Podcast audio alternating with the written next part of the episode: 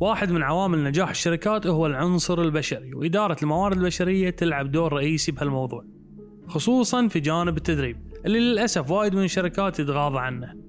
وأغلبهم يخاف من تدريب موظفينه حتى ما يطالبون بزيادات وترقيات.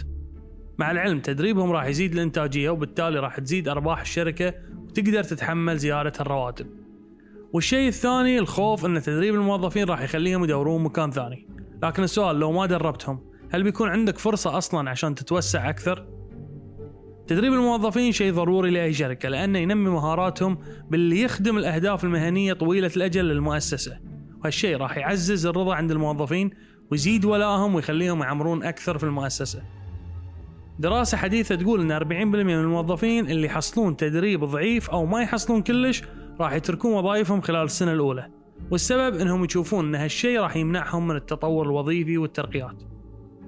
وإذا نشوف تكلفة معدل تغيير العمالة بمعنى ثاني معدلات ترك العمل راح نلاقي إن مع تراجع عدد العمال راح تنخفض الإنتاجية. وهالشيء يأثر مباشرة بالمبيعات. وعشان تعوض هالنقص راح يكون في خسائر وقت وفلوس.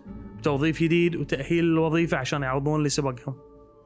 برغم هالتكاليف النقدية الكبيرة في البداية لكن الاستثمار في تدريب الموظفين راح يعود على صاحب العمل وشركته بالأخير.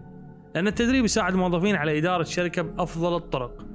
ويتعامل الموظفين المتدربين بشكل أفضل مع استفسارات العملاء، تعزيز المبيعات، استخدام الأنظمة التكنولوجية بشكل أفضل لأن التدريب أداة تجذب الموظفين للمؤسسة. الشباب اليوم يدورون شيء أكثر من مجرد راتب. الشباب يدورون وظائف يتعلمون من خلالها مهارات جديدة.